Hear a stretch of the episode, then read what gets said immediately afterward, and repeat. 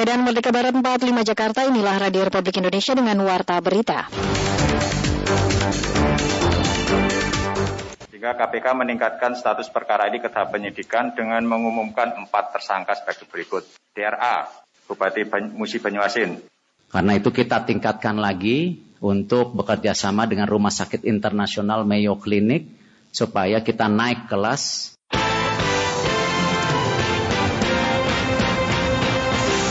Sari Berita, Indonesia akan memiliki rumah sakit internasional. KPK menetapkan Bupati Musi Banyu Asin sebagai tersangka. Inilah warta berita selengkapnya Minggu 16 Oktober 2021 bersama saya Siti Ana.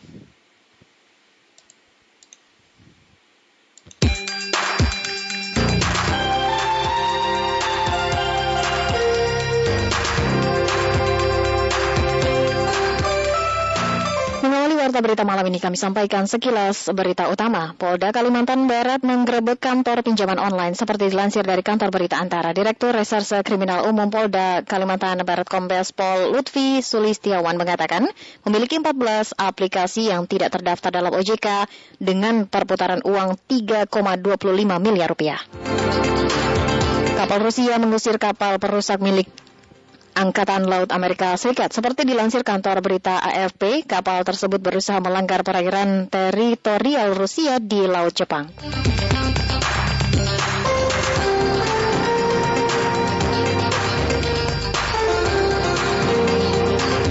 Liga Inggris mempertemukan Leicester City kontra Manchester United akan dimainkan pada malam nanti pukul 21 waktu Indonesia Barat.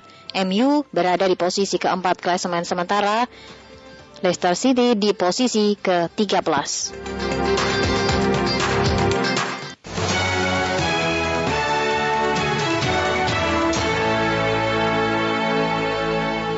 Pendengar Menteri BUMN Erick Thohir menerapkan restrukturisasi model bisnis pada perusahaan milik negara sehingga dapat bersaing dengan perusahaan global, di antaranya rumah sakit. Berbagai rumah sakit yang dimiliki perusahaan BUMN menjadi satu grup. Rencana rumah sakit tersebut akan menjadi rumah sakit bertaraf internasional.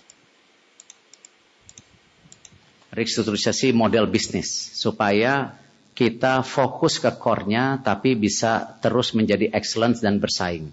Seperti yang kita lakukan sekarang contoh di rumah sakit yang tadinya tersebar di bawah PTPN, Pertamina, Pelindo sekarang menjadi satu grup rumah sakit sendiri yang jumlahnya 70 bahkan menjadi rumah sakit terbesar di Indonesia dalam segi jumlah tempat tidur yang tadinya rugi menjadi untung bahkan kita sudah mendapatkan penghargaan dari Asia menjadi the best hospital dan juga pelayanan COVID terbaik waktu itu Bapak. Karena itu kita tingkatkan lagi untuk bekerja sama dengan Rumah Sakit Internasional Mayo Clinic supaya kita naik kelas dan juga bisa membalance daripada 600 ribu bangsa Indonesia yang masih berobat ke luar negeri. Menteri Erik menambahkan ada lima BUMN yang masuk ke dalam perusahaan top dunia.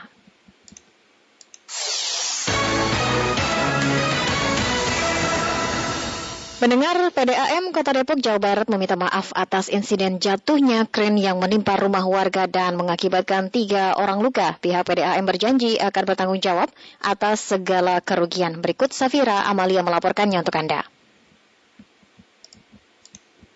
Ke yang berwenang lah untuk ini kan. Kita fokus dulu ke korbannya. Ya, ya. pasti ya. Makasih ya Pak. Okay. Insiden jatuhnya kren terjadi di Jalan Mawar Depok, Jaya, Pancoran Mas, Depok pada Jumat 15 Oktober 2021. Kejadian itu sontak membuat warga sekitar kaget dengan dentuman suara yang ditimbulkan. Satu rumah warga dan satu warung hancur. Tiga orang dilaporkan mengalami luka-luka. Atas insiden ini, Direktur Utama Perusahaan Daerah Air Minum PDAM Kota Depok Muhammad Olik Abdul Holik meminta maaf Olik mengatakan pihaknya bertanggung jawab penuh atas kejadian itu dan berfokus terhadap penanganan korban. Dengan ini saya Muhammad Olik atas nama perusahaan daerah Irimu Kota Depok menyatakan memohon maaf yang sebesar-besarnya terutama kepada korban dan kepada masyarakat sekitar. Kemudian kami akan bertanggung jawab sepenuhnya atas terjadinya korban. Uh, dan kita saat ini fokus kepada korban dan uh, kita akan bertanggung jawab sepenuhnya baik terhadap moral maupun materialnya. Kemudian juga rumah yang tertimpa itu juga akan menjadi tanggung jawab kami sepenuhnya seperti itu. Kemudian selanjutnya kita akan melakukan evaluasi terhadap pelaksanaan pekerjaan yang ada di sini, terutama menyangkut metode pelaksanaannya. Salah seorang warga setempat, Iman, kepada Pro 3 RRI mengatakan, masyarakat setempat menyayangkan masih kurangnya keselamatan kerja pada proyek PDAM tersebut, mengingat kondisinya yang berada di dalam area pemukiman warga. Mobil yang ini, ini dari hari Kamis minggu yang lalu. Jadi kira-kira 8 hari sama hari ini. Tapi kalau Bapak kalau ngeliatnya dari keselamatan kerjanya gimana sih Pak sampai akhirnya jadi insiden kayak gini? Kalau itunya ya mungkin ada masalah teknis yang tidak diperhatikan. Karena kan Contohnya gimana tuh Pak? Ya mungkin dari kemiringan ini kan bebannya berat ini kan hmm. mungkin sekitar 7 ton, 7 setengah ton.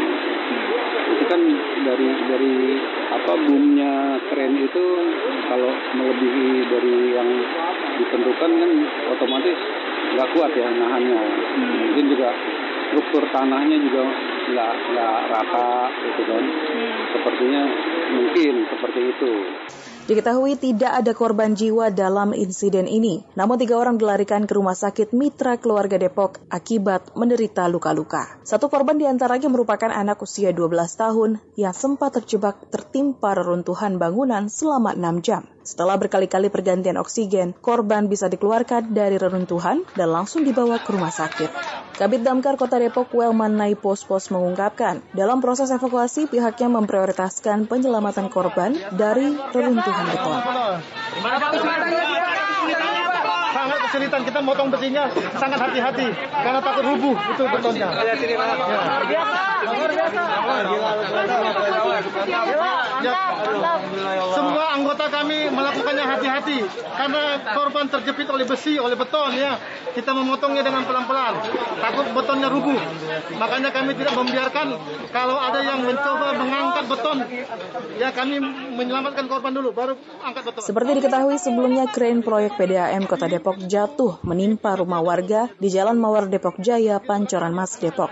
Polisi pun telah menyimpulkan hasil pemeriksaan di mana satu orang ditetapkan sebagai tersangka, yakni seorang operator truk krain karena diduga lalai dalam melaksanakan tugas hingga menimbulkan kerugian dan korban luka. Dari Depok, Jawa Barat, Safira Malia, Pro 3 RRI.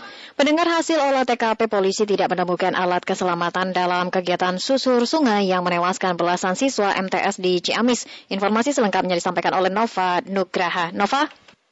Ya, baik Ana dan pendengar kepolisian Resort Ciamis melakukan olah tempat kejadian perkara TKP di lokasi tenggelamnya 11 siswa Madrasah Sanawiyah Harapan Baru Cijantung, Kabupaten Ciamis.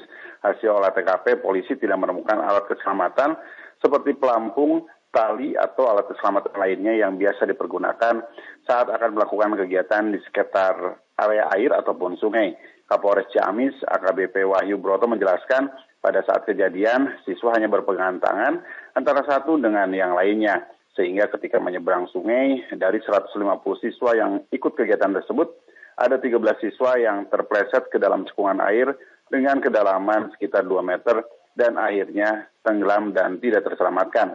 Pihaknya dikatakan Wahyu akan menelusuri secara proporsional dan profesional atas peristiwa yang terjadi. Pihaknya juga sudah memeriksa empat orang saksi untuk dimintai keterangan. Nah, kami belum menemukan adanya uh, alat-alat yang uh, keselamatan, yaitu pelampung ataupun tali.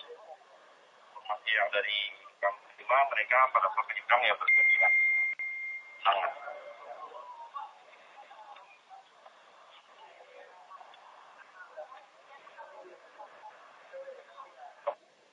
Sementara itu pendengar kegiatan ekstrakurikuler yang dilakukan tersebut memang tidak memiliki izin dari eh, kantor Kementerian Agama setempat. Kepala Kemendag Kabupaten Tasikmalaya, maksud kami Kabupaten Ciamis, Asep Lukman Hakim mengungkapkan tidak ada pemberitahuan kegiatan tersebut kepada Kemenag.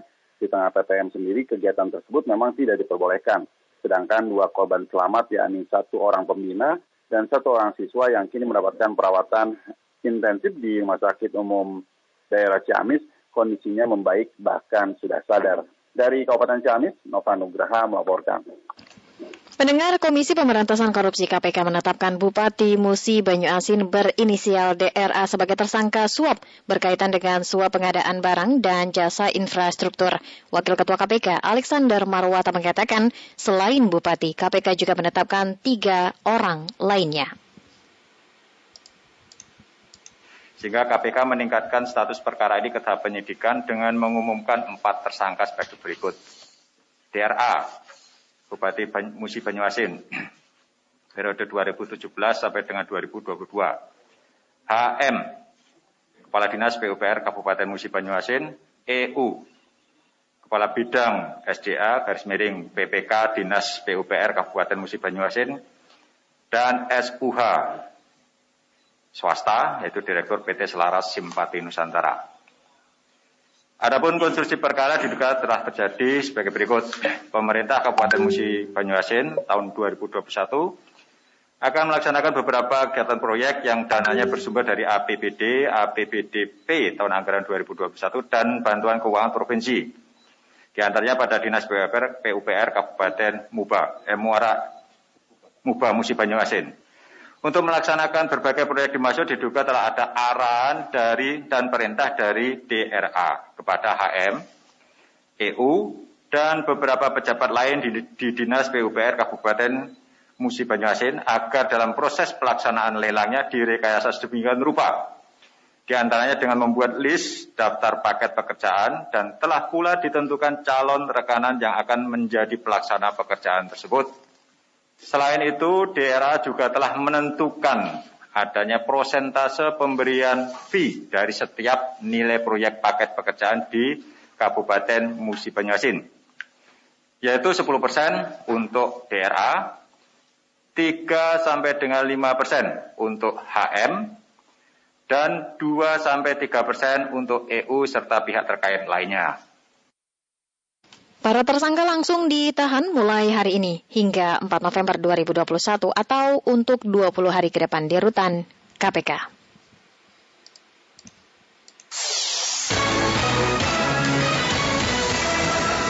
Anda masih mendengarkan program 3 Radio Republik Indonesia. Pendengar Wali Kota Surakarta Gibran Raka Buming Raka akan memperbanyak event demi menarik kunjungan wisatawan. Upaya ini untuk mendongkrak sektor ekonomi kreatif di tengah pandemi COVID-19. Kami hadirkan informasi selengkapnya bersama reporter Mulato Ishaan berikut ini. Dan nanti ada, yang jelas kan kita udah punya spor kluto. Pemkot Surakarta berupaya meningkatkan kunjungan wisatawan ke kota Bengawan dengan menggelar sejumlah event lokal hingga internasional, seperti Solo Keroncong Festival, sampai Rock in Solo bakal berlangsung di akhir tahun ini. Tak hanya itu, Pemkot juga bakal mengoptimalkan wisata susur kampung, seperti ke Kampung Padek Kauman, Lawean, dan beberapa destinasi lainnya menyusul Pemkot telah menerima hibah mobil listrik yang dapat mendukung kegiatan pariwisata. Wali Kota Solo Gibran Raka Buming Raka menyampaikan keinginannya untuk menggeliatkan kembali pariwisata yang hampir dua tahun terhenti dampak COVID-19. Meskipun masih ada pembatasan seperti wajib protokol kesehatan, namun pihaknya optimis sejumlah event akan digelar untuk mendongkrak sektor pariwisata. Bahkan Wali Kota Gibran belum lama ini bertemu dengan Wali Kota Yogyakarta, Haryadi Suyuti, dan sejumlah kepala daerah yang tergabung dalam APEXI Hal ini dimanfaatkan untuk promosi guna menggeliatkan ekonomi kreatif dan wisata. Pokoknya ini November, Oktober, November, Desember ini kita adakan lagi apa event-event yang kemarin sempat kita cancel, kita adakan lagi. Tenang aja. Solo keroncong, terus yang anu uh, kita punya event untuk wellness tourism juga minggu depan. Rock in Solo Sementara itu Pemkot Surakarta kemarin menerima 8 unit mobil listrik bantuan Tahir Foundation, sebuah organisasi nirlaba yang didirikan pendiri Maya pada grup Datuk Seri Tahir dan mulai diuji cobakan mengaspal di jalanan kota Solo pada Jumat siang. Uji coba dilakukan langsung oleh Datuk Seri Tahir didampingi Wali Kota Gibran Raka Buming Raka. Sri Tahir menyebutkan bantuan mobil listrik berbentuk alat taksi kuno itu baru pertama kali diserahkan kepada Pemkot Surakarta. Biasanya bantuan kendaraan berupa mobil tingkat atau double decker, di mana Pemkot juga pernah menerima hibah itu selain beberapa kota lain di Indonesia. Uh, yang ini baru pertama kali. Biasanya kita kasih yang double deck. Ya, di Solo ada, Surabaya ada. Ya, kan tadi saya bilang saya orang Solo. Oh. Kenapa kamu beli? Uh, ya itu tadi Mbak Bali udah bilang ramah lingkungan. Mobil listrik tersebut rencananya menjadi ikon wisata baru di kota Solo setelah bus tingkat Warkudoro dan Sepur Kluduk Jaladara. Saat ini ada empat mobil yang platnya sudah jadi dan sisanya akan diurus secepatnya. Rute sudah ditetapkan oleh Dinas Perhubungan di Sub Surakarta dan harapannya warga Solo serta wisatawan bisa memanfaatkan mobil listrik itu untuk berkunjung ke tempat-tempat pariwisata. RRI Surakarta Melato Izan melaporkan. Pendengar kasus COVID-19 di Sintang, Kalimantan Barat mulai melandai. Kondisi ini terlihat dengan ruangan isolasi mandiri yang kosong sejak dua pekan terakhir. Seperti diliput oleh reporter Taufik Hidayat, antusias masyarakat untuk divaksin sangat tinggi.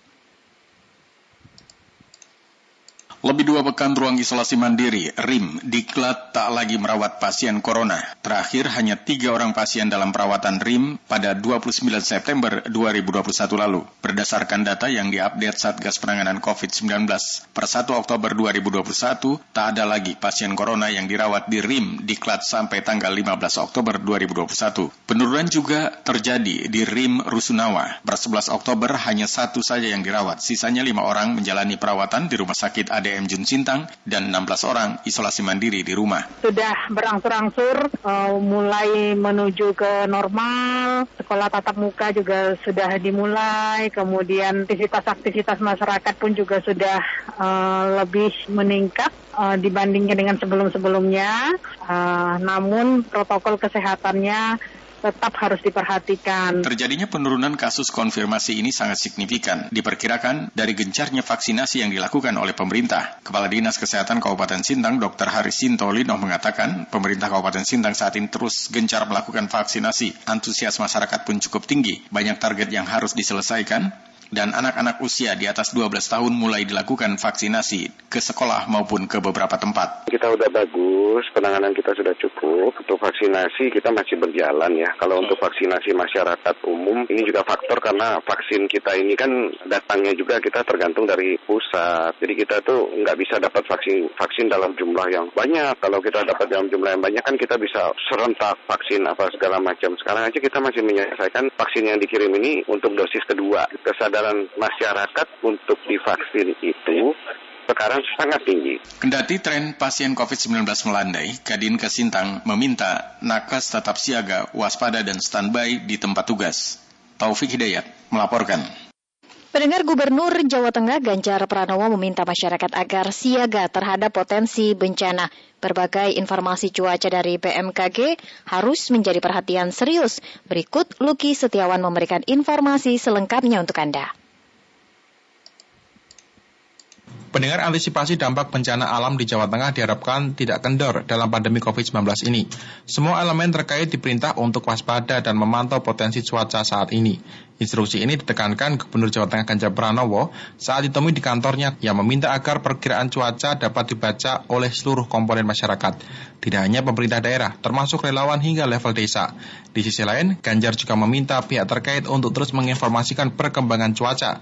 Relawan juga diminta Ganjar untuk terus menyebarkan ke level desa. Gubernur juga memastikan peta bencana sudah ada dan sudah disampaikan ke masyarakat agar siaga, termasuk daerah rawan bencana longsor seperti Banjarnegara, telah dibahas secara khusus. Informasi itu memang kita minta untuk diteruskan sampai level desa, terus kemudian ke kelompok-kelompok masyarakat, relawan-relawan, sehingga mitigasinya bisa jauh lebih baik harapannya dan masyarakat bisa mendapatkan informasi yang baik. Peta bencananya sudah ada, sudah kita sampaikan, maka uh, masyarakat memang diminta siaga. Karena ini memang bulan-bulan saatnya hujan turun, ada peta longsor kayak Banjarnegara itu kemarin rapatnya khusus ini. Terpisah Kepala Bidang Rehabilitasi dan Rekonstruksi BPBD Provinsi Jawa Tengah Arif Wahyudi kepada RRI menyebutkan saat ini ada lima daerah dengan resiko bencana tertinggi. Kelima daerah ini memiliki resiko terjadinya multi bencana alam. Kelima daerah tersebut yakni Kabupaten Cilacap, Purworejo, Tegal, Brebes, dan Kabupaten Banyumas.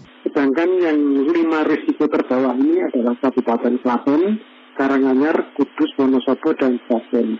Nah, bukan tapi bukan berarti kabupaten yang terbawah pun menutup tertutup kemungkinan terjadi bencana. Tapi intinya berdasarkan tren sekian tahun yang sudah kami kami berikan uh, indeks, ada kabupaten-kabupaten yang memang menjadi uh, menjadi konsen kami untuk untuk untuk lebih dalam pengawasan. Arif menyebutkan dari data BPBD Provinsi Jawa Tengah di tahun 2021 ini, per tanggal 30 September sudah ada 1046 bencana terjadi di Jawa Tengah dengan kasus paling banyak tanah longsor dan banjir. Adapun di tahun 2020 total ada 2874 kasus bencana. Lukis Tiawan melaporkan. Pendengar peringatan Hari Pangan Sedunia, Perkumpulan Penggilingan Padi dan Pengusaha Beras Klaten Jawa Tengah mendorong pemerintah untuk segera mempatenkan beras delanggu. Dari Klaten, Adam Sutanto melaporkannya untuk Anda. kaitannya dengan rasa lah itu berbeda lah, berbeda dengan daerah lain. Pasti lebih enak Delanggu. Hari Pangan Internasional diperingati perkumpulan penggilingan padi perpadi dan pengusaha beras di wilayah Klaten. Peringatan secara seremonial berlangsung di subterminal Delanggu dengan mengambil tema lestarikan dan bumikan beras Delanggu. Ketua Perkumpulan Penggilingan Padi Klaten Muklis kepada wartawan mengatakan peringatan Hari Pangan Internasional tersebut ditandai dengan kegiatan bazar dan bakti sosial berupa pembagian beras secara gratis kepada warga tidak mampu di wilayah Kecamatan Delanggu. Bantuan diberikan sebagai wujud keprihatinan terkait pandemi COVID-19 yang berdampak kepada semua lapisan. Bantuan lain yang diberikan yakni bibit padi rojolele serino untuk luasan 8 hektar dan pupuk organik sekitar untuk luasan 3 hektar. Bantuan yang diberikan tersebut sifatnya secara gratis. Pandemi atau corona COVID-19 itu belum mereda kita membantu memberikan apa namanya bakti sosial kepada seluruh uh, masyarakat Delanggu di ada 16 desa.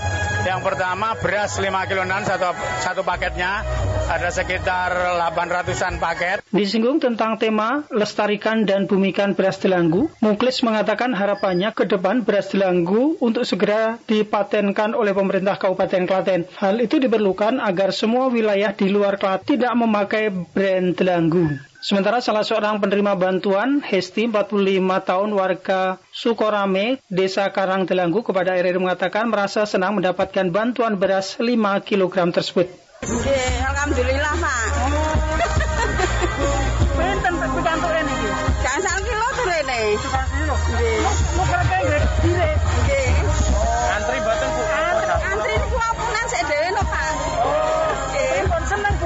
Peringatan Hari Pangan Internasional tersebut dihadiri Wakil Bupati Klaten Yoga Hardaya, Ketua Perpadi Jawa Tengah, dan sejumlah pejabat di lingkungan pemerintah Kabupaten Klaten. RRI Surakarta, Dam Sutanto melaporkan. Beralih ke informasi olahraga pendengar, Menteri Pemuda dan Olahraga Zainuddin Amali meminta pemerintah daerah dan masyarakat menjaga venue usai PON 20 agar tidak terbengkalai. Hal ini disampaikan Menteri Zainuddin dalam keterangan pers secara virtual seperti yang diliput oleh Fitra Maria berikut ini. Bisa Pak, mulai aja. Silakan Pak. Iya Pak. Oke, ya, ya terima kasih teman-teman jurnalis. Usai penyelenggaraan Pekan Olahraga Nasional PON 20 yang berlangsung di Papua, Menteri Pemuda dan Olahraga Menpora Zainuddin Amali berharap pemerintah Provinsi Papua serta kabupaten kota menjaga arena atau venue pertandingan yang sudah dibangun. Ia meminta pemerintah daerah membentuk lembaga pengelola venue agar peralatan olahraga yang ada di sana terawat dengan baik dan tidak terbengkalai begitu saja. Menurut Menpora Amali, lembaga tersebut dapat berupa Badan Layanan Umum atau BLU yang akan mengelola venue-venue. Tadi saya baru bicara dengan Kadispora setelah saya rapat Peparnas. Beliau sampaikan sekarang sudah di, di, disiapkan satu lembaga yang akan mengelola semacam BLU seperti itu. Kalau di GBK kan ada direksinya, direksi pengelola GBK. Tetapi saya juga sampaikan tidak boleh menutup diri. Maksud saya menutup diri itu sudahlah kita biayai dari APBD saja. Lama-lama nggak kuat APBD untuk membiayai ini. Karena pemeliharaan kan makin hari uh, bukannya makin apa namanya makin bagus tetapi uh, ada kerusakan di sana sini dan uh, lain sebagainya ini kan harus di, di, dipelihara terus apa yang sudah ada di klaster-klaster menurut saya sih tetap saja misalnya biliar nah, saya sih setujunya lebih baik di situ saja Tetapi pemanfaatannya harus benar-benar. Karena Timika itu kan juga satu kota yang hidup. Eh, banyak juga yang datang ke situ yang bisa memanfaatkan, tinggal manajemennya saja. Menpora juga mendorong kegiatan olahraga nasional maupun regional untuk diselenggarakan di venue bekas PON Papua agar fasilitas olahraga dapat dimanfaatkan terus-menerus. Pujian juga datang dari Ketua Umum Persatuan Wartawan Indonesia atau PWI, atau Sembiring Depari, yang menilai keseluruhan pelaksanaan PON berjalan dengan aman dan lancar. Bahkan ia menyebut sejumlah atlet dari cabang olahraga berhasil mencatatkan rekor nasional dan dunia. Pertandingan-pertandingan ini saya monitor juga lewat teman-teman semua, juga semua berjalan lancar. Bahkan berhasil memecahkan rekor PON ya nasional. Asia, dan bahkan dunia, Pak. Saya kemarin dapat informasi dunia udah pecah rekornya di sini, panjat tebing. Ini kan luar biasa. Semua dipecahkan di sini, di PON ini. Kemudian kita lihat aspek lain. Mungkin tadinya kita pikir keamanan bagaimana. Keamanan berjalan dengan kondusif. Siapa bilang enggak? Kemudian selama saya juga beberapa hari di sana, saya merasakan gairah masyarakat sangat tinggi, Pak. Untuk menyaksikan pertandingan luar biasa tingginya.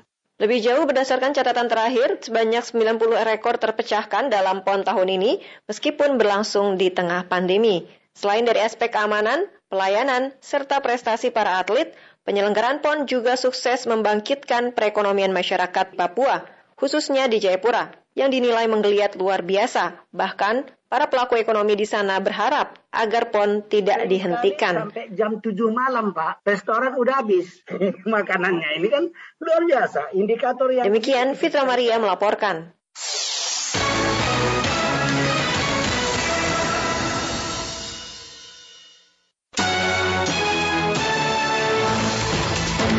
Selepas ini kami akan lanjutkan kembali program Indonesia Menyapa Malam. Tetaplah bersama kami, saya Siti Ana. Selamat malam.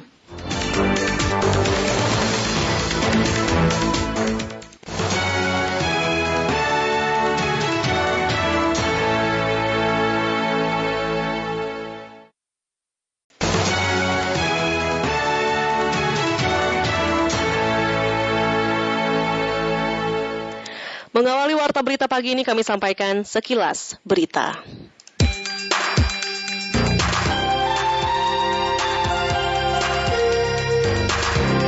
Jaringan Descolation atau bagian penagihan utang pinjaman online atau pinjol ilegal yang memicu ibu rumah tangga di Wonogiri bunuh diri dibongkar aparat. Menteri Keuangan Sri Mulyani Indrawati menekankan pentingnya transisi hijau dalam penanganan perubahan iklim yang adil, teratur, dan terjangkau, terutama bagi negara-negara berkembang dan negara miskin.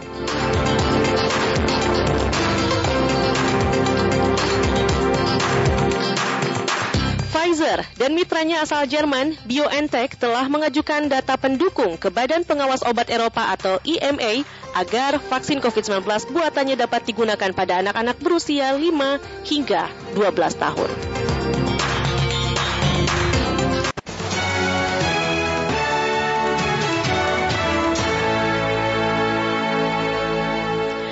Presiden Joko Widodo memerintahkan otoritas jasa keuangan untuk melanjutkan moratorium penerbitan izin pinjaman online ilegal. Hal tersebut dikarenakan terlalu banyaknya penyalahgunaan atau tindak pidana melalui pinjol yang sudah merugikan masyarakat. Pradip Tarahadi melaporkan. Jadi tadi kami bahas ya Eksistensi pinjaman online di tanah air ternyata sudah banyak menimbulkan kerugian di tengah masyarakat. Hal ini ternyata juga menyita perhatian dari Presiden Joko Widodo.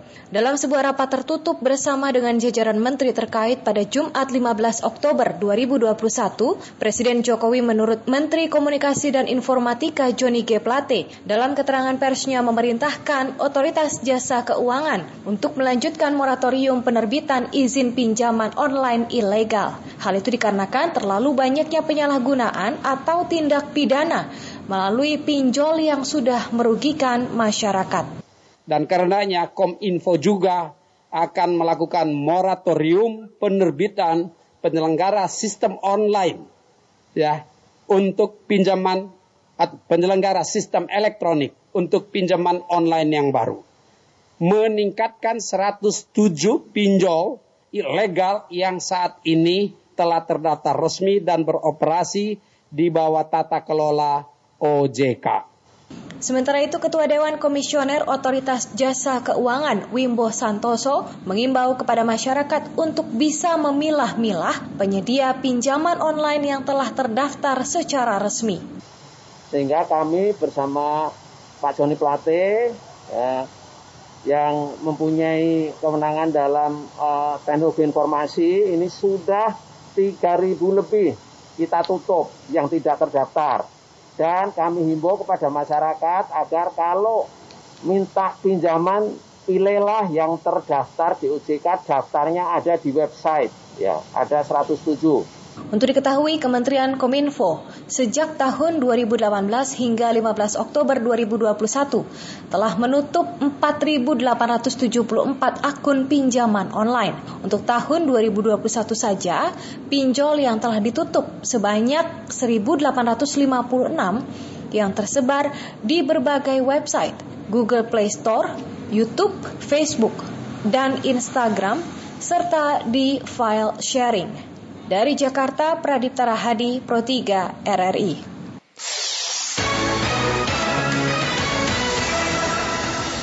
Banyak pihak menuding Rusia sebagai penyebab terjadinya krisis energi di Eropa dalam beberapa waktu terakhir. Namun, Presiden Vladimir Putin mengelak dari tuduhan tersebut yang turut disampaikan oleh Amerika Serikat tersebut. Informasi tersebut selengkapnya kami hadirkan dalam sesi laporan khusus Pro 3 bersama Retno Mandasari. Laporan khusus. Laporan khusus. Laporan khusus. Krisis energi melanda benua Eropa sejak beberapa waktu terakhir. Pasalnya, terjadi pengurangan pasokan gas alam dari Rusia yang selama ini merupakan pemasok gas alam terbesar ke Eropa dengan persentase 43,4 persen. Banyak pihak menuding hal itu dilakukan Rusia sebagai upaya untuk menekan Eropa agar mau mengaktifkan pipa gas Nord Stream 2. Amerika Serikat melalui penasehat keamanan nasional Jake Sullivan kepada BBC bahkan menuduh Rusia menggunakan energi sebagai senjata politik. Kami sudah lama khawatir tentang Rusia yang menggunakan energi sebagai alat pemaksaan dan senjata politik. Kami telah melihat itu terjadi sebelumnya dan kami bisa melihatnya terjadi lagi. Tudingan Amerika Serikat langsung ditepis oleh Presiden Rusia Vladimir Putin dan menyebut tuduhan itu sebagai sebuah omong kosong. Di mana kami menggunakan senjata ini? Dalam konflik mana kami berpartisipasi? Dan untuk ekonomi yang sama sekali tidak mungkin. Bahkan dalam periode terberat di Perang Dingin, Rusia memenuhi kewajiban kontraktualnya dalam memasok gas ke Eropa. Penurunan pasokan gas alam Rusia diduga sebagai dampak penolakan Jerman untuk melakukan aktivasi proyek pipa gas Nord Stream 2 akibat adanya sanksi dari mitra strategis Uni Eropa, Amerika Serikat. Ekonom minyak dan energi internasional Mamduh Salameh kepada Al Jazeera berpendapat jika Uni Eropa menyetujui proyek Nord Stream 2, maka Rusia diperkirakan akan memasok hingga 50 miliar meter kubik gas alam. Uni Eropa sedang bermain politik dengan pipa gas Nord Stream 2. Itu selesai hampir 1,5 bulan yang lalu. Jika mereka segera mengeluarkan izin operasionalnya untuk itu, Rusia akan memasok sekitar 50 miliar meter kubik gas ke Uni Eropa yang akan mengurangi krisis. Adanya krisis energi yang diikuti dengan kenaikan harga gas membuat Komisi Energi Uni Eropa mengajukan proposal pengurangan pajak atas tagihan energi dan bantuan keuangan untuk rumah tangga yang lebih miskin. Seperti yang disampaikan oleh Komisi Komisioner Energi Uni Eropa Kadri Simpson dalam pertemuan pekan ini. Prioritas langsung kami adalah melindungi konsumen Eropa, terutama yang paling rentan. Kedua, kita harus membuat sistem energi lebih siap dan lebih tangguh, sehingga kita tidak harus menghadapi situasi serupa di masa depan. Tuduhan terhadap Rusia yang mengurangi pasokan gas juga disampaikan oleh 40 anggota parlemen Eropa dan menulis surat yang menuduh perusahaan Rusia, Gazprom, memanipulasi harga gas. Pipa gas Nord Stream 2 yang menjalar dari Rusia ke Jerman melalui Laut Baltik merupakan salah satu proyek antara kedua negara yang telah diselesaikan. Banyak pihak menduga pengurangan gas ke Eropa oleh Rusia yang melalui Ukraina sebagai upaya agar Uni Eropa dan Jerman mau mengaktifasi kembali pipa tersebut. Pendengar selanjutnya kami sampaikan komentar RRI pagi ini dengan judul Mengurangi Ketergantungan Dunia pada Sumber Daya Tak Terbarukan. Disampaikan langsung oleh editor senior Besti Simatupang. Meroketnya permintaan bahan bakar di pasar global menjadi salah satu penyebab terjadinya krisis energi di Eropa. Namun ada beberapa faktor lainnya yang memberatkan sehingga krisis energi yang terjadi berdampak. Melansir Euronews pekan ini, harga gas alam telah melonjak di Eropa karena permintaan yang meningkat secara global. Persoalan ini sebenarnya terjadi pada sebagian besar komoditas. Masalah terparah berlaku pada gas alam. Energi sangat sulit didapat saat ini, sehingga beberapa provinsi di Cina menjatah listrik. Begitu juga dengan orang Eropa membayar harga yang sangat tinggi untuk gas alam cair. India pun mengalami permasalahan soal pembangkit listriknya. Lonjakan harga gas alam yang terjadi di Eropa disebabkan oleh naiknya atau rebound ekonomi global setelah negara-negara mencabut pembatasan atau lockdown akibat COVID-19 dan membuka kembali ekonomi mereka sepenuhnya. Imbasnya, Pelaku pasar bersaing memperebutkan gas alam karena permintaan mulai meningkat setelah guncangan pandemi virus corona selama dua tahun terakhir. Selain itu, terjadi pula persaingan untuk gas alam setelah musim dingin yang panjang di Eropa dan Asia Timur. Meningkatnya permintaan secara otomatis mendorong harga gas alam di pasar. Dunia memang tengah dilanda krisis energi, padahal energi merupakan kebutuhan penting manusia semua aktivitas manusia memerlukan energi. Sebagai contoh, ketika naik kendaraan, kita memerlukan bahan bakar minyak untuk menghidupkan mesin. Maka, pentingnya menghemat energi kini harus dibudayakan. Jangan lagi diremehkan. Pemborosan energi menggambarkan pemborosan sumber energi, khususnya bahan bakar dan listrik. Akibatnya, pengurangan limbah menjadi sumber penghematan energi yang sangat besar yang membutuhkan tindakan baik pada tingkat individu maupun kolektif. Pilihan energi terbarukan yang belum dijelajahi atau kurang dimanfaatkan di sebagian besar negara harus lebih dimanfaatkan lagi. Padahal sebagian besar energi berasal dari sumber yang tidak terbarukan seperti batu bara. Ini berarti ada cukup banyak ruang untuk perbaikan di area ini. Satu-satunya cara untuk sepenuhnya memisahkan gas dari listrik adalah tidak lagi menggunakannya untuk menghasilkan listrik. Ini harus menjadi tujuan jangka panjang Uni Eropa yakni untuk menggantikan bahan bakar fosil dengan energi baru terbarukan. Solusi terbaik yang memungkinkan adalah mengurangi ketergantungan dunia pada sumber daya tak terbarukan dan meningkatkan upaya konservasi secara keseluruhan. Sebagian besar zaman industri diciptakan dengan menggunakan bahan bakar fosil, tetapi ada juga teknologi yang dikenal dan teruji dengan baik yang menggunakan energi terbarukan seperti energi air, energi matahari, dan energi angin. Sekian komentar, Selamat pagi. Terima kasih pendengar, Anda masih menyimak Warta Berita Produksi Pusat Pemberitaan Radio Republik Indonesia. Berikut kami sampaikan Jurnal Pekan Olahraga Nasional PON 20 Papua. Jurnal PON ke-20 Papua.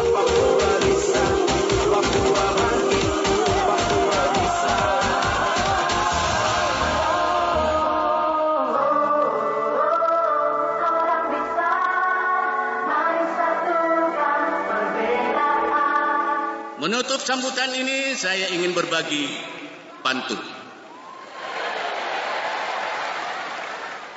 Terhadap Papua terasik. Mari tong menyanyi sampai berisik. Semoga Papua tambah cantik dan pembangunan paling terbaik.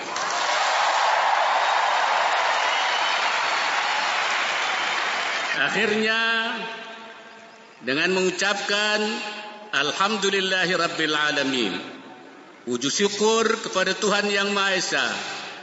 Maka PON Olahraga Nasional ke-20 Papua tahun 2021 secara resmi saya nyatakan ditutup. Diakhiri dengan pantun, Wakil Presiden Republik Indonesia Kiai Haji Ma'ruf Amin menutup secara resmi jalannya pelaksanaan Pekan Olahraga Nasional PON ke-20 Papua di Stadion Lukas NMB Kabupaten Jayapura tadi malam. PON Papua menjadi sejarah baru bagi dunia olahraga karena tidak saja digelar di wilayah timur, tepatnya di bumi cendrawasih, tapi juga menjadi event olahraga nasional terbesar yang berlangsung di tengah pandemi COVID-19 di tanah air. Perjalanan manis PON 20 tahun 2021 di Tanah Papua menyisakan kenangan manis, rasa bahagia, rasa tangis para duta olahraga dari 34 provinsi se-Indonesia.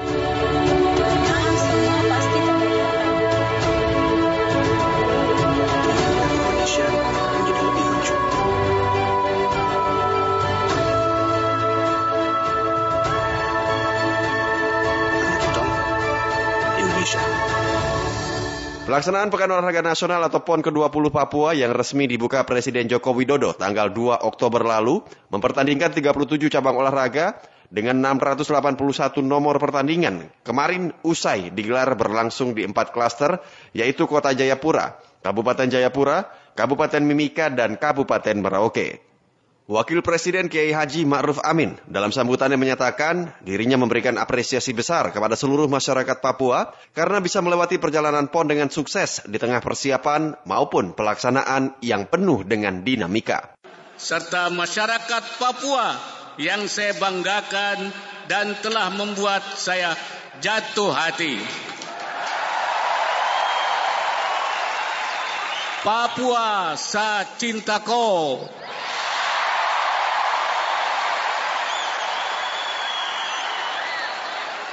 Ada beberapa catatan penting yang membuat penyelenggaraan PON 20 ini tidak mudah untuk dilakukan. Pertama, pembangunan infrastruktur olahraga yang sangat masif dengan standar dan kualitas internasional.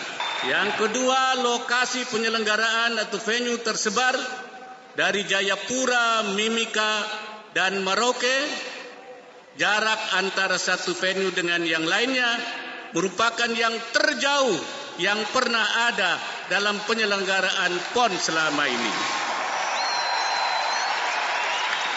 Dan ketiga, PON 20 ini diselenggarakan dalam kondisi pandemi COVID-19 yang menuntut kerja ekstra dengan pelaksanaan protokol kesehatan yang ketat. Bagi saya, ini merupakan pon tersulit yang bisa diselenggarakan. Tapi ternyata warga Papua bukan saja mampu menyelenggarakannya, tapi ternyata warga Papua bahkan berhasil menyelenggarakannya dengan sempurna.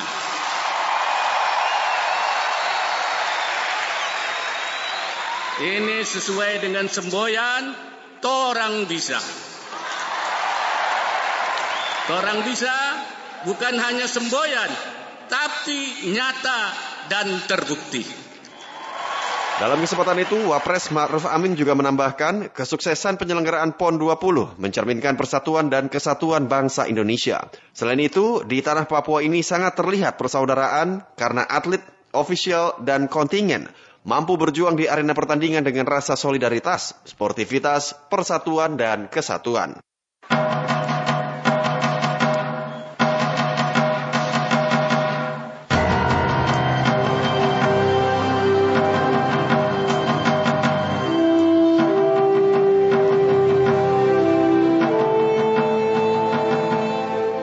Dalam kesempatan sebelumnya, Gubernur Papua Lukas NMP menegaskan suksesnya pelaksanaan Pekan Olahraga Nasional PON ke-20 menjadi jawaban bahwa masyarakat Papua mampu melakukan tugas dengan baik.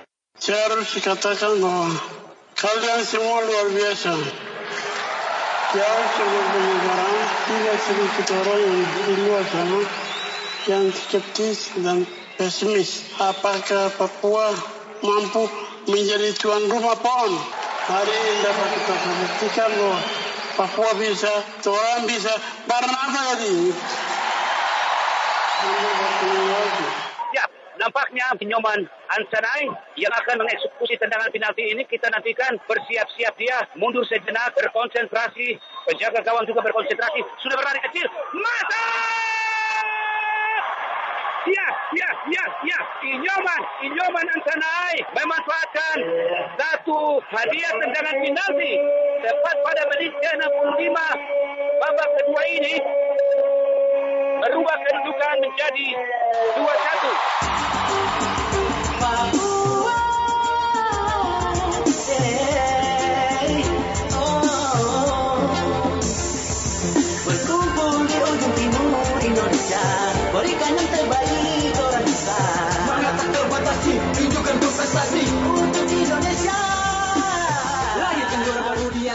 Perjuangan dan persaingan sekitar 6.496 atlet yang berlaga pada 682 nomor pertandingan dan lomba dari 37 cabang olahraga kemarin telah berakhir.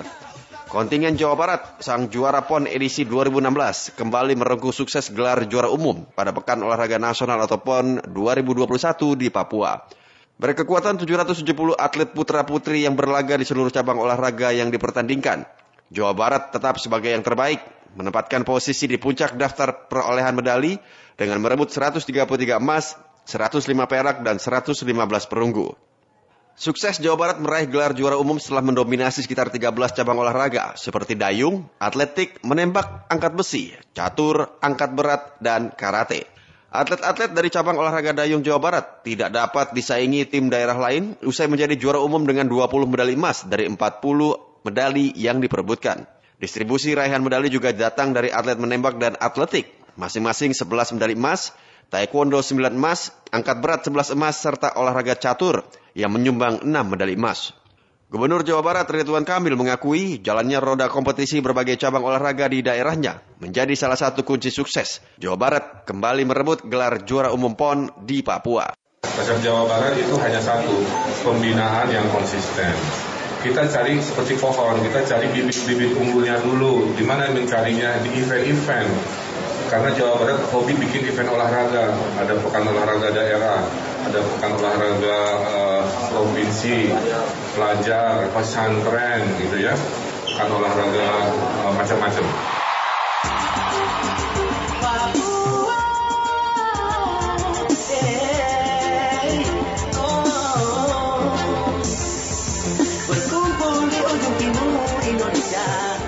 Sementara itu kontingen DKI Jakarta yang menurunkan 735 atlet harus menunda ambisinya sebagai juara umum PON 20 dan harus puas menempati posisi kedua daftar perolehan medali usai membawa pulang 110 medali emas, 91 perak dan 100 medali perunggu.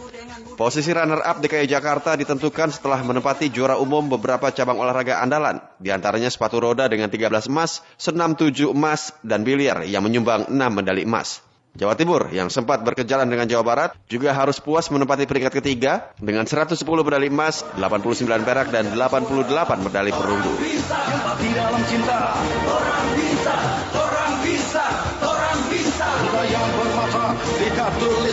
melahirkan juara di tanah Papua dari berbagai macam. Tuan rumah Papua dalam perjuangan di arena PON ke-20 mendapat hasil memuaskan dengan menempati posisi empat besar.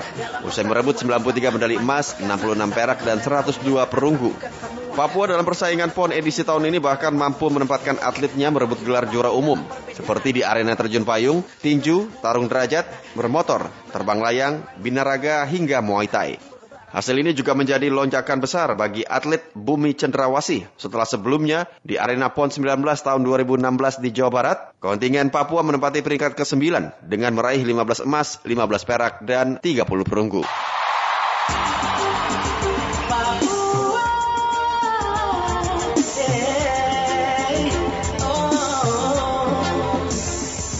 Perjuangan atlet Bali juga membuahkan hasil mengesankan. Kontingen Pulau Dewata di arena PON ke-20 Papua karena berhasil naik satu tangga.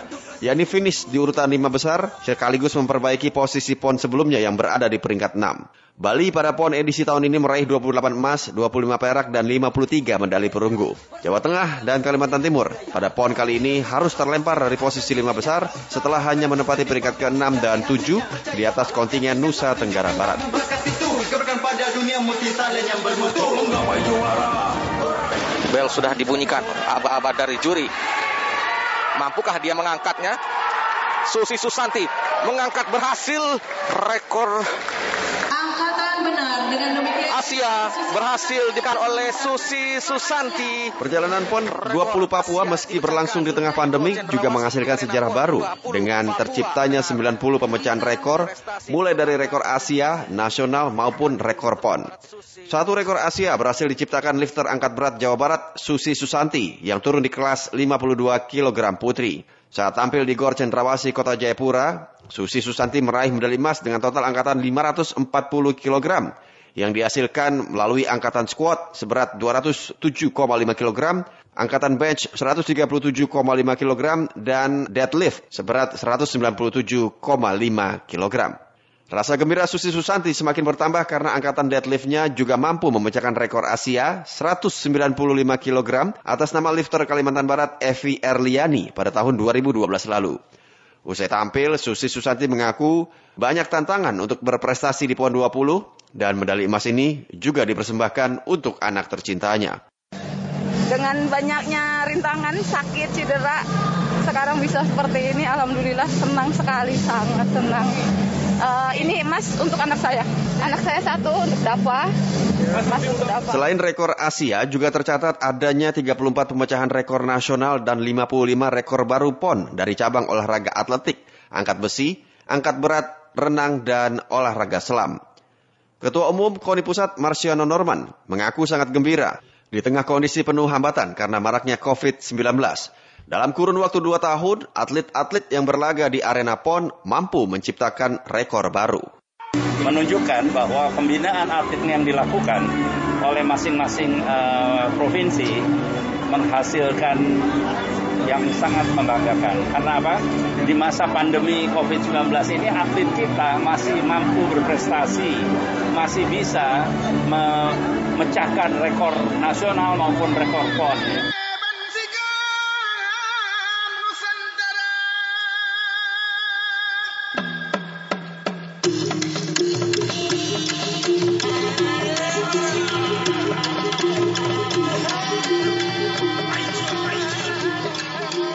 Seremoni penutupan Pekan Olahraga Nasional atau PON ke-20 Papua tadi malam juga diisi dengan penurunan bendera PON yang langsung diberikan kepada tuan rumah PON 2024 diwakili Gubernur Aceh Nova Iriansyah dan Gubernur Sumatera Utara Edi Rahmayadi.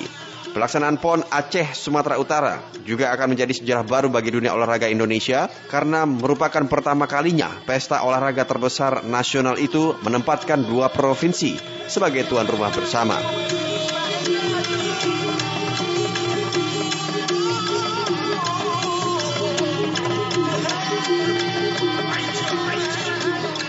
Tidak terasa perjalanan PON di tanah Papua telah berakhir. Perjuangan para atlet di ajang multi event ini tentunya dipenuhi dengan warna bangga, senang, haru di tengah upaya mereka untuk memberikan hasil terbaik bagi daerah tercintanya. Hasil yang dicapai dari suksesnya pelaksanaan PON ke-20 di Papua diharapkan menjadi titik cerah ke depan, utamanya untuk perjalanan dunia olahraga nasional yang di depan mata masih menghadapi tantangan besar. Selamat tinggal tanah Papua. Kita kembali jumpa di tanah Sumatera, Aceh dan Sumatera Utara pada PON ke-21 tahun 2024 mendatang.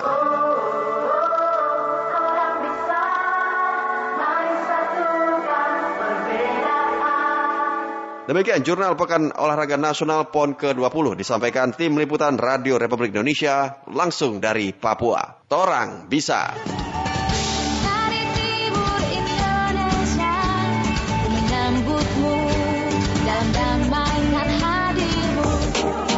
Demikian Jurnal PON ke-20 Papua.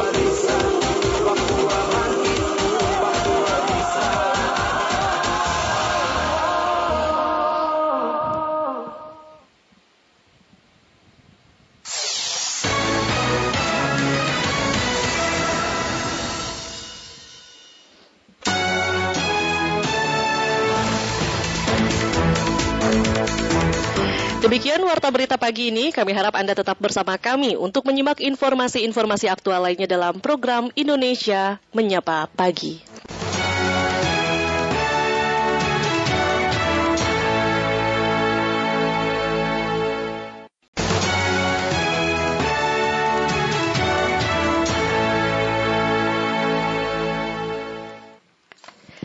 Presiden Joko Widodo meminta pimpinan di perusahaan milik negara BUMN untuk membangun budaya kerja.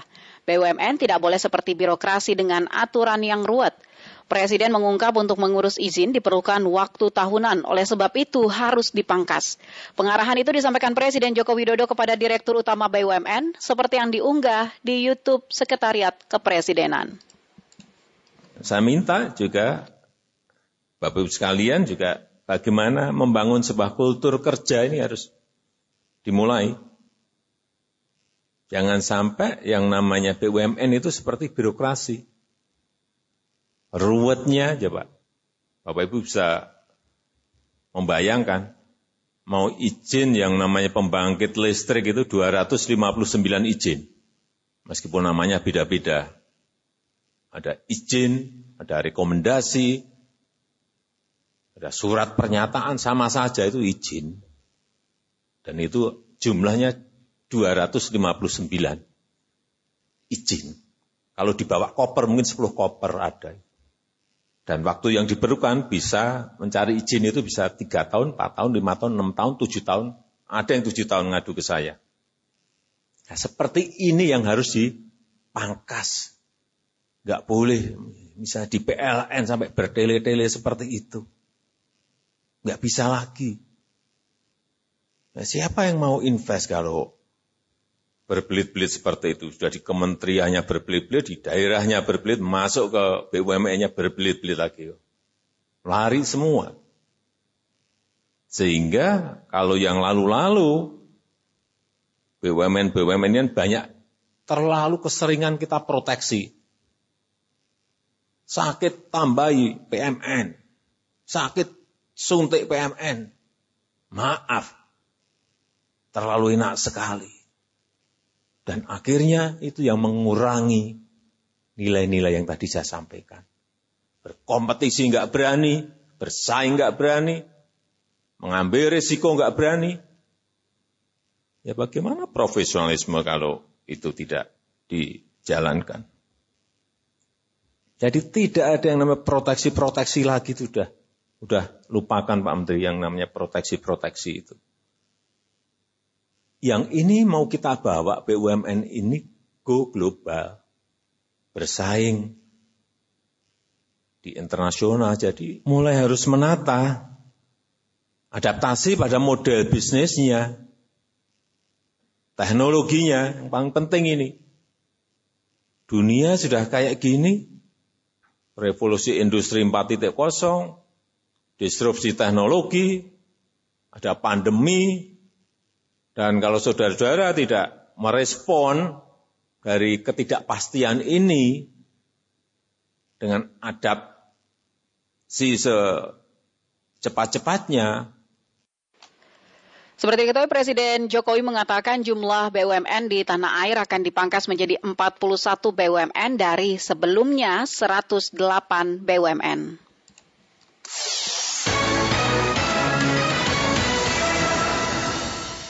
Kita beralih ke informasi lain, pendengar 11 siswa MTS Harapan Baru Pondok Pesantren Cijantung, Desa Dewasari, Cijenjing, Ciamis, tewas tenggelam di sungai saat mengikuti kegiatan kepanduan susur sungai yang diselenggarakan pihak sekolah. Kami akan pantau bagaimana perkembangan terkini bersama reporter Nova Nugraha. Nova, ada informasi terkini apa dari kejadian tersebut?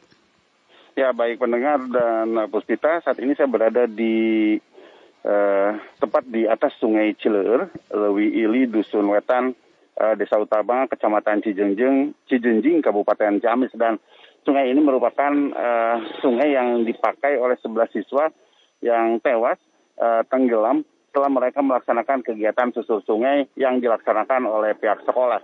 Dan memang untuk siang hari ini uh, proses evakuasi uh, sudah ditutup dan tim SAR gabungan juga sudah menghentikan segala proses pencarian karena memang dari 21 orang peserta kegiatan pramuka tersebut 10 orang uh, sudah bisa diselamatkan kemarin dan 11 orang yang meninggal dunia pun sudah berhasil dievakuasi sehingga kegiatan uh, pencarian yang dilakukan oleh tim SAR gabungan sudah resmi dihentikan uh, untuk mencari korban uh, tenggelam tersebut. Dan situasi di uh, sekitar lokasi kejadian memang saat ini sudah sepi, berbeda uh, seperti halnya ketika tadi malam ataupun uh, hingga tadi pagi memang uh, tim penyelamat ataupun yeah. tim SAR masih uh, terpantau di sini. Dan Nova, untuk di ya informasinya apakah Anda uh, sudah tadi sudah mengetahui bahwa uh, jenazah yang sudah berhasil ditemukan oleh tim SAR ini juga sudah diterima diterima oleh pihak keluarga begitu lalu Betul. bagaimana uh, selanjutnya apakah juga Anda mendapatkan informasi yang akan dilakukan oleh pihak keluarga setelah uh, kejadian ini? Ya, proses pemakaman jenazah korban sebagian besar sudah dilaksanakan oleh pihak keluarga tadi pagi, Puspita dan mm. uh, pihak pesantren juga sejak tadi pagi memang menggelar pengajian untuk mendoakan ke sebelas uh, korban ini. Jadi memang uh, tidak ada kegiatan lain uh, di di pesantren, hanya kegiatan pengajian yang memang uh, dilaksanakan untuk uh, mendoakan uh, ke sebelas korban ini. Begitu Puspita. Ya, untuk ke sebelas korban ini apakah memang berasal dari uh, wilayah yang sama atau ada yang berasal dari luar uh, wilayah tempat pesantren uh, berada sendiri, Nova? atau lokasi Ya, kejadian? inform- Hmm. Ya informasi kami terima memang 11 siswa ini merupakan eh, siswa yang berada di eh, lingkungan eh, Kecamatan Cijengjing. Jadi memang mereka ini santri ataupun eh, ya biasa disebut santri kalau di sini. Eh, mereka ini dalam satu lingkungan yang tidak begitu jauh, berada di Kecamatan Cijengjing dan tidak ada warga yang asal dari luar Kabupaten Ciamis. Begitu, Bos. Apa eh, Nova mengetahui mungkin bagaimana tanggapan keluarga atas kejadian ini? Ada informasi kah eh, apa yang mungkin akan dilakukan oleh pihak keluarga setelah ini begitu Nova? Ya, tadi juga kami sempat berbincang dengan salah satu uh, keluarga uh, korban begitu. Ya, meskipun mereka secara keseluruhan menerima kejadian ini, tapi berharap kejadian serupa ini tidak terjadi di masa yang akan datang. Dan keluarga juga berharap untuk kegiatan-kegiatan seperti ini dikoordinasikan dengan orang tua uh, dan diawasi ketat oleh pihak uh, sekolah. Sehingga tidak terjadi uh, hal-hal yang tidak diinginkan. Karena berdasarkan data yang saya terima uh, usia mereka ini relatif masih muda. Kita di antara 12 sampai 13 tahun. Jadi untuk tingkatan kelas mungkin mereka baru masuk SMP. uh, di kelas 1 betul SMP Mhm. betul kita Baik, terima kasih Nova atas informasinya. Nanti kami akan update kembali informasi dari Anda. Selamat siang. baik selamat siang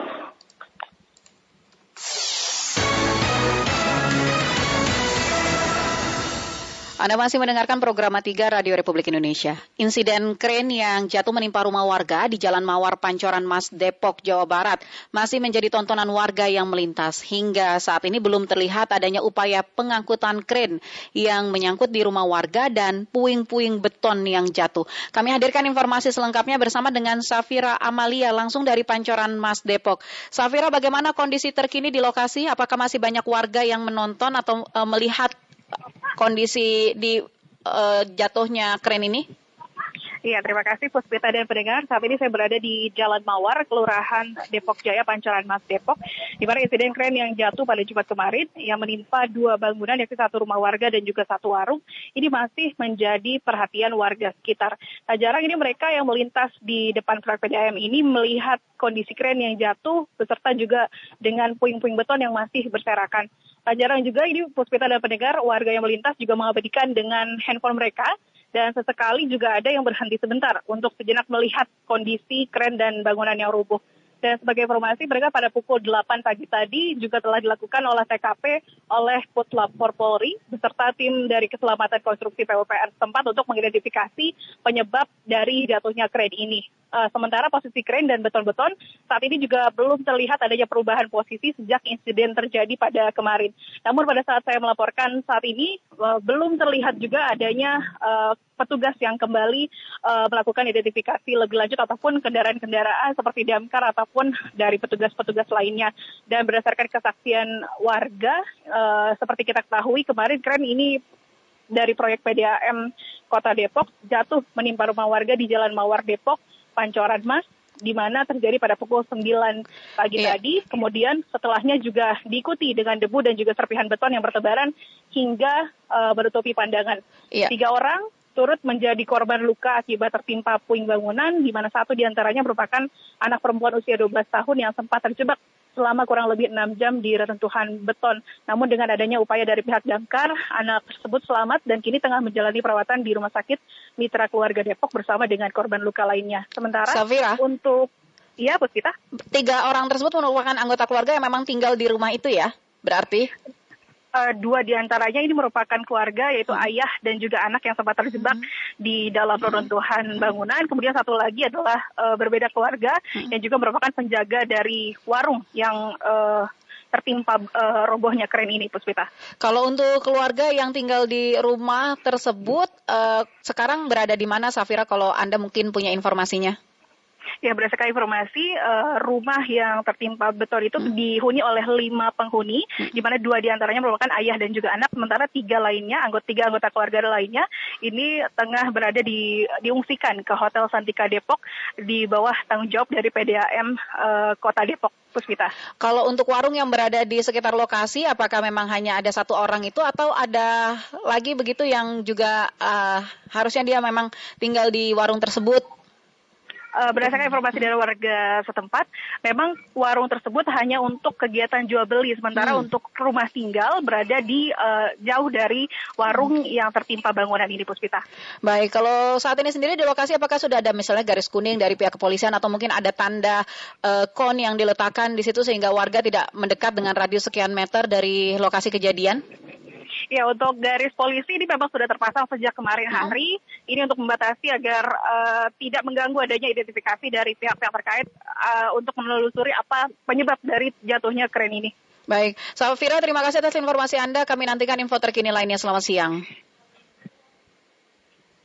Iya, mendengar Informasi lainnya, pemerintah menggandeng pemuda Karang Taruna di Kelurahan Jati Padang, Jakarta Selatan untuk menggelar vaksinasi massal bagi warga. Prajurit TNI dikerahkan untuk membantu vaksinasi. Seperti apa jalannya vaksinasi kami hadirkan liputannya bersama dengan reporter Yurika Fitri. Yurika, bagaimana jalannya kegiatan vaksinasi siang hari ini?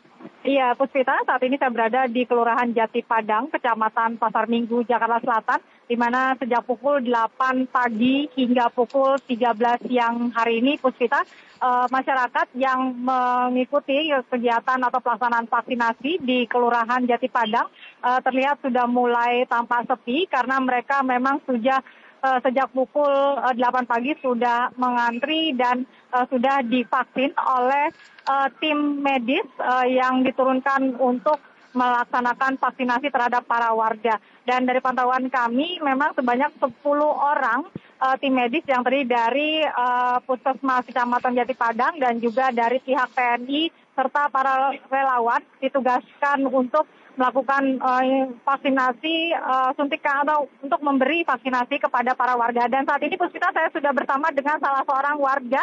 Selamat siang dengan Bapak siapa? Selamat siang Mbak dengan Dino. Pak Dino warga saya warga Jati Padang ya Pak ya? Ya, Jati Padang RT 2 RW 8. Oh ya, Pak tadi uh, sudah divaksin dosis berapa Pak? Uh, saya penyintas COVID, jadi memang baru bulan atau pertengahan Oktober ini memungkinkan untuk diberikan vaksinasi di dosis pertama. Oh gitu. Tadi ya. jenis vaksin apa yang Bapak terima tadi? Untuk tadi memang ketentuannya dosis pertama itu hanya untuk Sinovac, sementara dosis kedua dan uh, atau Astra dan Pfizer itu bukan untuk dosis pertama. Nah tadi ada gejala apa yang Bapak rasakan? Ini kan sudah uh, sudah diperbolehkan untuk istirahat ya Pak ya? ya. Ada gejala apa yang Bapak rasakan? Biasa saja sih Pak, ya, cuman memang agak pegel lah di bekas suntikan tangan itu kemudian sedikit ngantuk lah. Oh gitu. Tapi nanti vaksin kedua tanggal berapa tadi Pak? Vaksin kedua kalau tadi dari kartu vaksin itu tanggal 13 November.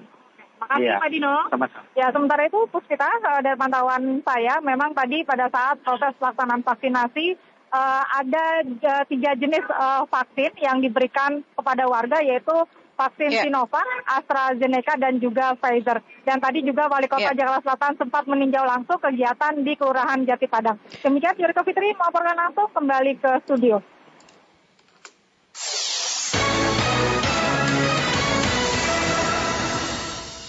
Pekan Olahraga Nasional atau PON Papua ke-20 tahun 2021 telah berlangsung dengan sukses. Menteri Pemuda dan Olahraga Republik Indonesia Zainuddin Amali memberikan keterangan pers terkait evaluasi penyelenggaraan PON Papua. Kami akan ajak Anda pendengar untuk mengikuti jalannya keterangan pers atau konferensi pers yang dilakukan oleh Menteri Pemuda dan Olahraga Republik Indonesia Zainuddin Amali siang ini via uh, Zoom. Ini dia selengkapnya untuk Anda. Papua mereka mendapatkan posisi yang nomor empat di eh, perhelatan PON ini.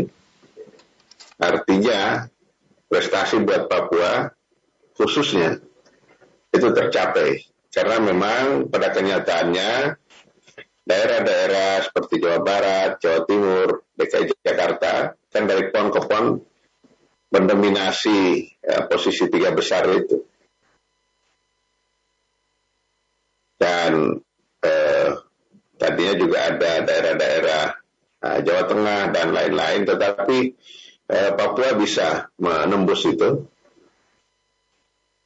Dia peringkat empat perolehan, perolehan medalinya dan sukses prestasi buat mereka. Nah bagi kita secara nasional, saya kira juga ini eh, eh, sukses juga saat-saat pandemi seperti sekarang masih ada bisa pemecahan rekor. Data terakhir sekaligus saya mau klarifikasi apa yang saya sampaikan sebelumnya karena masih sangat kurang.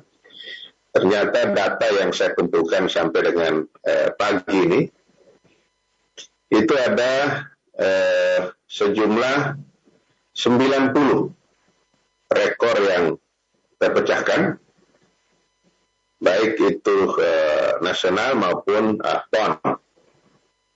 Ada di cabang-cabang atletik, renang, angkat besi, menembak, dan angkat berat. Kemudian juga ada tambahannya di selam. Nah, yang membuat saya agak apa namanya gembira, pertama masih ada pemecahan rekor PON di tengah-tengah pelaksanaan pandemi seperti sekarang ini. Jadi baik eh, rekor eh, nasional maupun eh, PON. 90 itu bukan hal yang kecil. Yang kedua adalah rekor-rekor yang muncul yang dipecahkannya adalah dari cabang-cabang olahraga yang masuk dalam cabur unggulan DBON. Ya, seperti atletik, renang, angkat besi, menembak itu kan masuk di dalam cabur-cabur uh, 14 cabur unggulan uh, eh, DBON. Nah ini yang membuat uh, kita semua tentu berbahagia ya masih bisa ada prestasi yang muncul di tengah-tengah situasi seperti sekarang ini. Kemudian untuk sukses penyelenggaraan. Pertama dari sisi keamanannya. Sebelum PON dimulai, pertanyaan kepada saya itu didominasi oleh bagaimana keamanan. Apakah kontingen yang datang ke Papua akan aman, nyaman? Karena berbarengan dengan itu kan ada informasi-informasi atau berita-berita muncul tentang ada kekerasan-kekerasan yang ada di Papua. Tetapi itu jauh dari tempat-tempat uh, penyelenggaraan. Bahkan saya sudah sampaikan, saya itu apa merasakan sendiri bagaimana amannya. Saya kadang malam itu saya jalan sendiri tanpa ada uh, pengawalan dan lain sebagainya. Saya aman-aman aja. Saya sekali waktu mampir ke warung, saya makan di situ juga nggak ada masalah. Nah, ini menunjukkan bahwa dari sisi keamanan yang diragukan, yang dikhawatirkan itu tidak terjadi apa-apa. Semua orang merasa seperti sedang bukan berada di Papua. Sama seperti berada di di kota-kota atau di provinsi-provinsi lainnya. Itu yang uh, membuat uh, penyelenggaraan ini bisa dikatakan sukses karena kendala yang paling utama sebelum dimulai kan soal keamanan. Kemudian soal pelayanan, memang di awal-awal eh, sempat eh, muncul ke salah pahaman, eh, komunikasi dan lain sebagainya, tapi makin hari makin tertata. Dan kontingen merasakan rata-rata mereka yang saya tanyakan, karena saya bukan hanya mengecek prokes di venue, tetapi saya juga datang ke Eh, penginapan-penginapan. Saya tanya gimana uh, airnya, bagaimana listriknya, dan lain sebagainya. Mereka menyampaikan, kami cukup, semuanya oke. Okay. Dan uh, ada keraguan sebelumnya tentang SDM. Apakah orang Papua mampu menyelenggarakan satu event besar seperti ini yang akan didatangi oleh sekitar 20 ribu orang. Ya artinya lebih lebih dari kalau atlet dan pelatih dan sebagainya kan sekitar 12 ribuan. Tetapi kalau kita saksikan di berbagai venue para pendukung dan sebagainya itu banyak banget. Dan beberapa tempat saya tanya dari mana datang dari tempatnya sendiri memberikan dukungan kemudian tidak ada hal yang signifikan yang bisa mengganggu pelaksanaan pertandingan yang menyebabkan pertandingan harus dihentikan. Kan saya pakai kata signifikan itu ada sesuatu kejadian, insiden yang akhirnya bisa mengganggu. Ada insiden-insiden misalnya terjadi di tinju dan lain sebagainya itu ya tapi tetap aja bisa berlangsung karena bisa diselesaikan oleh panitia. Dan dari sisi penyelenggaraan, saya kira satu hal yang menurut saya juga bisa uh, kita katakan sukses. Kemudian si ekonomi, si ekonomi, ya,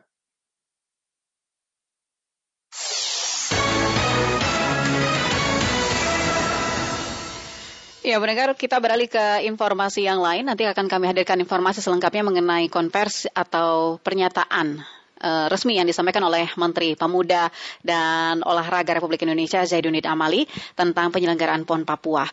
Pemerintah kembali mengingatkan agar sekolah menyediakan sarana cuci tangan sebagai salah satu syarat untuk pembelajaran tatap muka atau PTM karena semakin lengkap sarana penunjang membuat orang tua akan semakin tenang. Kami hadirkan selengkapnya liputannya bersama dengan reporter Pradipta Rahadi. Sebagian besar orang tua dari anak-anak di semua tingkat pendidikan percaya bahwa sekolah sudah cukup siap untuk dibukanya sekolah untuk melaksanakan pembelajaran tatap muka atau PTM bagi para siswa mulai dari tingkat SD, SMP, dan SMA sederajat tentunya menjadi kabar gembira bagi para pelajar. Kerinduan mereka untuk belajar di sekolah dan bertemu dengan teman terobati dengan adanya PTM. Untuk melancarkan proses PTM di sekolah, maka pemerintah mewajibkan sekolah-sekolah untuk menyediakan sarana cuci tangan sebagai syarat untuk dibukanya sekolah guna melaksanakan pembelajaran tatap muka. Dalam keterangan persnya, juru bicara pemerintah Dr. Risa Broto Asmoro mengungkapkan, dengan semakin terlengkapinya sarana penunjang untuk COVID, maka para orang tua pun tidak akan ragu untuk melepas anak-anak mereka PTM di sekolah. Pemerintah bahkan mewajibkan ketersediaan sarana wash atau water sanitation and hygiene sebagai syarat dibukanya kembali sekolah. Semua tentu menginginkan sekolah yang aman COVID-19. Maka, dengan tersedianya fasilitas cuci tangan pakai sabun akan menambah kepercayaan diri orang tua untuk mengizinkan anak-anak mereka kembali ke sekolah. UNICEF menyampaikan bahwa mayoritas orang tua atau 62,8 persen sudah berpendapat bahwa sekolah dapat dibuka kembali dengan aman sekarang. Sebelumnya Menteri Pendidikan Kebudayaan, Riset dan Teknologi Nadim Anwar Makarim mengatakan PTM di sekolah sudah sangat mendesak untuk dilakukan karena learning loss di Indonesia sudah sangat mengkhawatirkan. Dan data dari Bank Dunia dan berbagai macam institusi riset menunjukkan uh, betapa me me menyeramkannya learning loss uh, yang bisa terjadi ini di luar kondisi psikologis yang bisa terjadi kalau apalagi di tingkat SD dan PAUD di mana mereka paling membutuhkan PTM bahwa kalau sekolah-sekolah yang tidak dibuka dampaknya bisa permanen. Terkait PTM di sekolah, pemerintah melalui Kementerian Kesehatan tidak menutup peluang menambah kuota belajar tatap muka namun dengan sejumlah syarat. Syarat yang utama yaitu sekolah harus konsisten mengontrol seluruh warga sekolah disiplin menjalankan aturan protokol kesehatan secara ketat. Kemudian kontrol juga harus diterapkan pada penguatan di sektor hulu baik tracing maupun testing. Ya, benar Benteng Wolio Buton diusulkan untuk menjadi warisan budaya dunia UNESCO di kota Bau-Bau, Sulawesi Tenggara. Salah satu upaya untuk mewujudkan rencana tersebut adalah merelokasi warga di sekitar cagar budaya. Kami hadirkan informasi ini bersama dengan Hairul Mulku.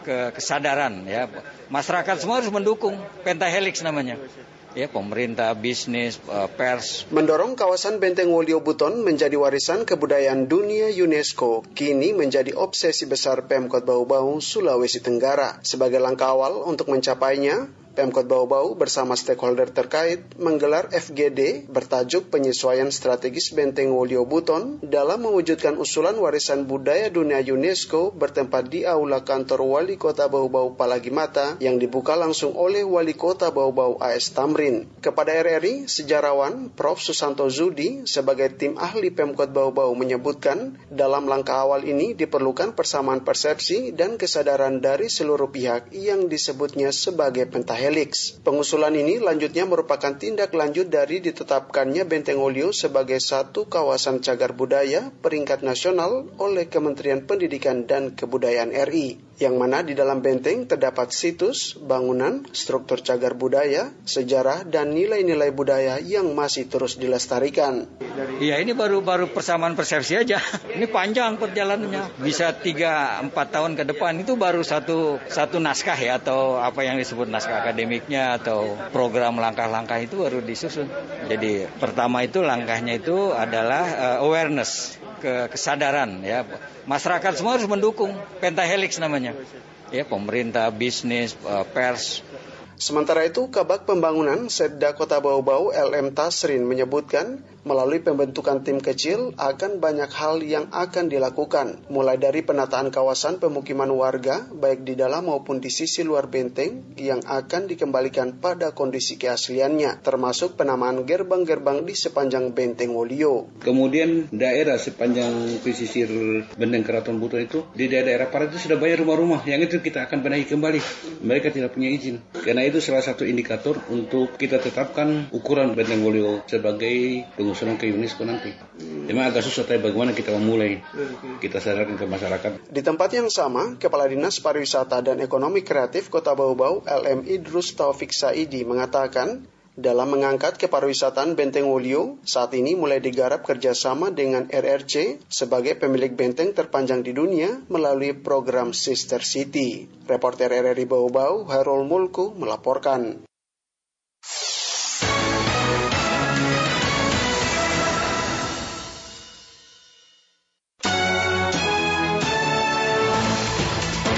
Mendengar demikian tadi rangkaian informasi yang kami hadirkan dalam Warta Berita. Jangan ke mana-mana karena selepas ini kami akan kembali menghadirkan Indonesia Menyapa Siang. Tetaplah bersama kami.